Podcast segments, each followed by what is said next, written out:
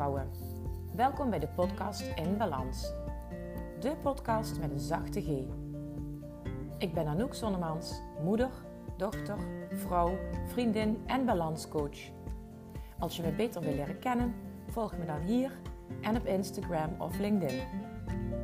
In deze podcast wil ik twee dingen met je delen. Mijn kennis, ervaring en waardevolle tips als balanscoach en mijn eigen verdere zoektocht naar nog meer balans. Want ook ik ben nooit uitgeleerd. Ik inspireer je graag met een zachte G. Veel luisterplezier.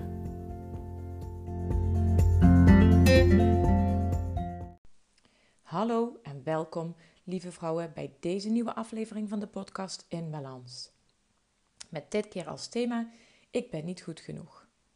In de afgelopen week heb ik dit regelmatig van andere vrouwen te horen gekregen dat ze uh, bang zijn om uh, niet goed genoeg hun best te doen of uh, niet goed genoeg rekening te houden met de ander. En in aflevering 12 hadden we het over de, had ik het over de kracht van taal. En daarin heb ik ook uitgelegd dat het wat je tegen jezelf vertelt, dat dat jouw waarheid is of jouw waarheid wordt. terwijl het helemaal niet zo hoeft te zijn. Want misschien denk je wel, misschien herken je dat wel. wat zullen de anderen wel niet denken of vinden? Of vinden ze me wel aardig? Of uh, uh, je moet je best doen voor de ander. Je moet meer je best doen voor de ander dan voor jezelf. Dit is allemaal heel normaal. Um, maar hoe komt dat nou toch? Hoe komt het nou toch dat we zo geneigd zijn om zoveel rekening te houden met de ander en ons aan te passen in ons gedrag en in onze keuzes aan wat de ander belangrijk vindt? Nou, daar ligt een universele angst van er niet bij horen aan ten grondslag. En om dat uit te kunnen leggen, moet ik eerst even iets uitleggen over het reptiele brein. Het oudste en kleinste deel van de hersenen dat uh, ons gedrag bepaalt. Hier hebben we uh, weinig bewuste controle op. En uh, dit deel van de hersenen denkt niet na en reageert instinctief en vanuit emoties. En het belangrijkste doel van dit reptiele brein is overleven.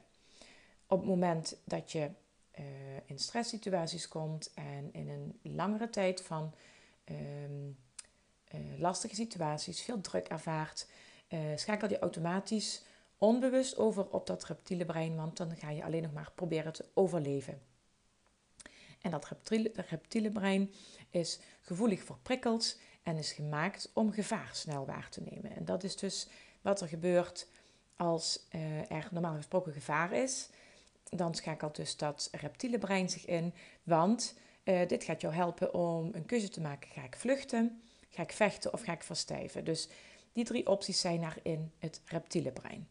Iemand die voor langere tijd onder uh, uh, stress, stressgevende um, invloeden werkt of leeft, gaat dus heel erg vanuit dat reptiele brein functioneren. Daar komt een soort van constante spanning op. Ehm, en terwijl je normaal gesproken, uh, waar het reptiele brein vandaan komt, dus uit heel, heel, heel lang geleden, uh, toen we moesten vechten met beren. Uh, toen was het super handig, dat reptiele brein, want het zette je in een soort van staat van paraatheid om die keuze te maken. Ga ik vechten of kan ik het beste, of ga ik vechten of vluchten of ik verstijf. daar kwam een bepaalde spanning bij. En als uiteindelijk het gevaar geweken was, uh, kon je dat weer loslaten. Iemand die voor langere tijd onder stress uh, werkt of leeft, uh, houdt dus die spanning constant vast. En dat zorgt dan meer voor burn-out verschijnselen. Oké, dat is even een uitleg over het reptiele brein. Um, maar wat het reptiele brein ook doet, en dan link ik weer naar het thema van vandaag: ik ben niet goed genoeg, of wat zullen de anderen wel niet van me denken. dat reptiele brein uh, komt ook in actie uh, bij de universele angst van er niet bij horen. Want als je ergens niet bij hoort, uh, dan loop je het gevaar uitgestoten te worden door de groep. En dan overleef je het niet. Dat is natuurlijk iets instinctiefs. Dat is nu in deze tijd helemaal niet aan de orde. Het is echt niet zo dat als je bij een, bij een groepje niet bij hoort, uh, dat je dan uiteindelijk door een beer opgegeten gaat worden omdat er niemand is om jou te beschermen. Zo werkt het nu niet, maar instinctief, door dat reptiele brein, heb je wel nog ergens dat gevoel. dat je ergens bij moet horen, dat je bij een groep moet horen uit zelfbescherming. Dus wat je daarom doet, is je aanpassen uh, aan de ander, want je houdt de ander graag te vriend, zodat je niet uh, buiten de groep komt te staan. Je wil niet uitgestoten worden. Nou, nu je dit weet, wat kun je er dan mee? Uh, op de eerste plaats zul je dat, dat soort gedachten en gevoelens van ik hoor er niet bij, ik ben niet goed genoeg, um, wat zullen de anderen wel niet van me vinden, doe ik het wel goed genoeg voor de ander? Al dat soort gedachten en gevoelens zul je moeten herkennen uh, dat ze er zijn. je kunt bijvoorbeeld als je jezelf zoiets hoort zeggen of zo'n gedachte komen in je op, kun je dat voor jezelf opschrijven. Opschrijven helpt altijd bij het bewust worden en de volgende stappen die dan komen om er iets mee te gaan doen.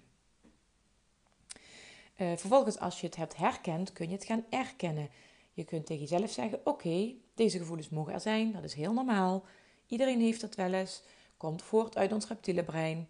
Je hoeft je, niet, je hoeft je er niet over te veroordelen. Je hoeft ook niet streng te zijn tegen jezelf van, ah, denk ik weer zo negatief. Nee, je hoeft alleen maar te erkennen dat het oké is dat je zulke gevoelens mag hebben. Je kunt ook tegen jezelf zeggen, ik geef mezelf toestemming om me minder waardig te voelen. Ik geef mezelf uh, toestemming om me niet goed genoeg te voelen.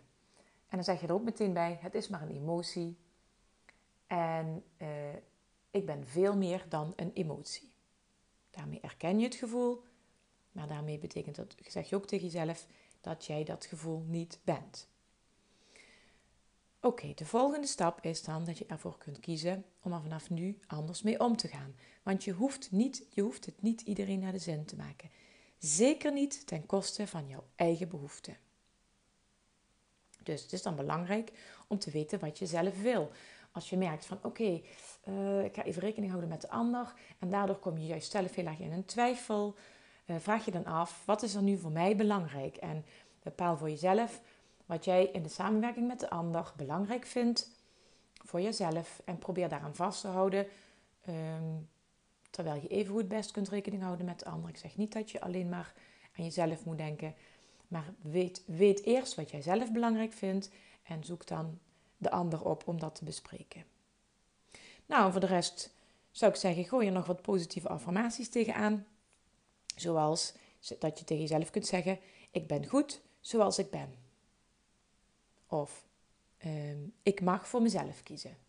Als je dit soort affirmaties de hele dag uh, op een aantal momenten tegen jezelf vertelt, of je schrijft ze ergens op een briefje en je hangt ze op een plek waar je er steeds aan herinnerd wordt, dan uh, ga je dat ook zo voelen. Je gaat je onderbewuste, ga je opnieuw programmeren met andere zinnen dan ik ben niet goed genoeg.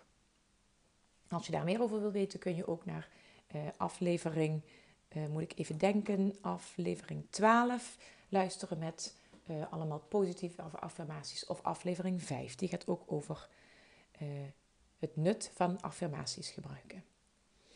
Nou, ik geloof dat dit een korte aflevering was. Ik laat het ook hierbij. Ik heb genoeg verteld. Als je daar meer over wil weten, als je daar vragen over hebt, neem dan gerust contact met me op. Ik leg het graag, graag nog een keer uit. Ik um, bied ook nu in deze coronatijd elke dinsdag en donderdag het vragenvuurtje aan met toevallig deze week en de komende weken ook nog wellicht het thema angst. En in dat uh, vragenvuurtje kun je uh, gewoon even met mij sparren over waar je mee zit.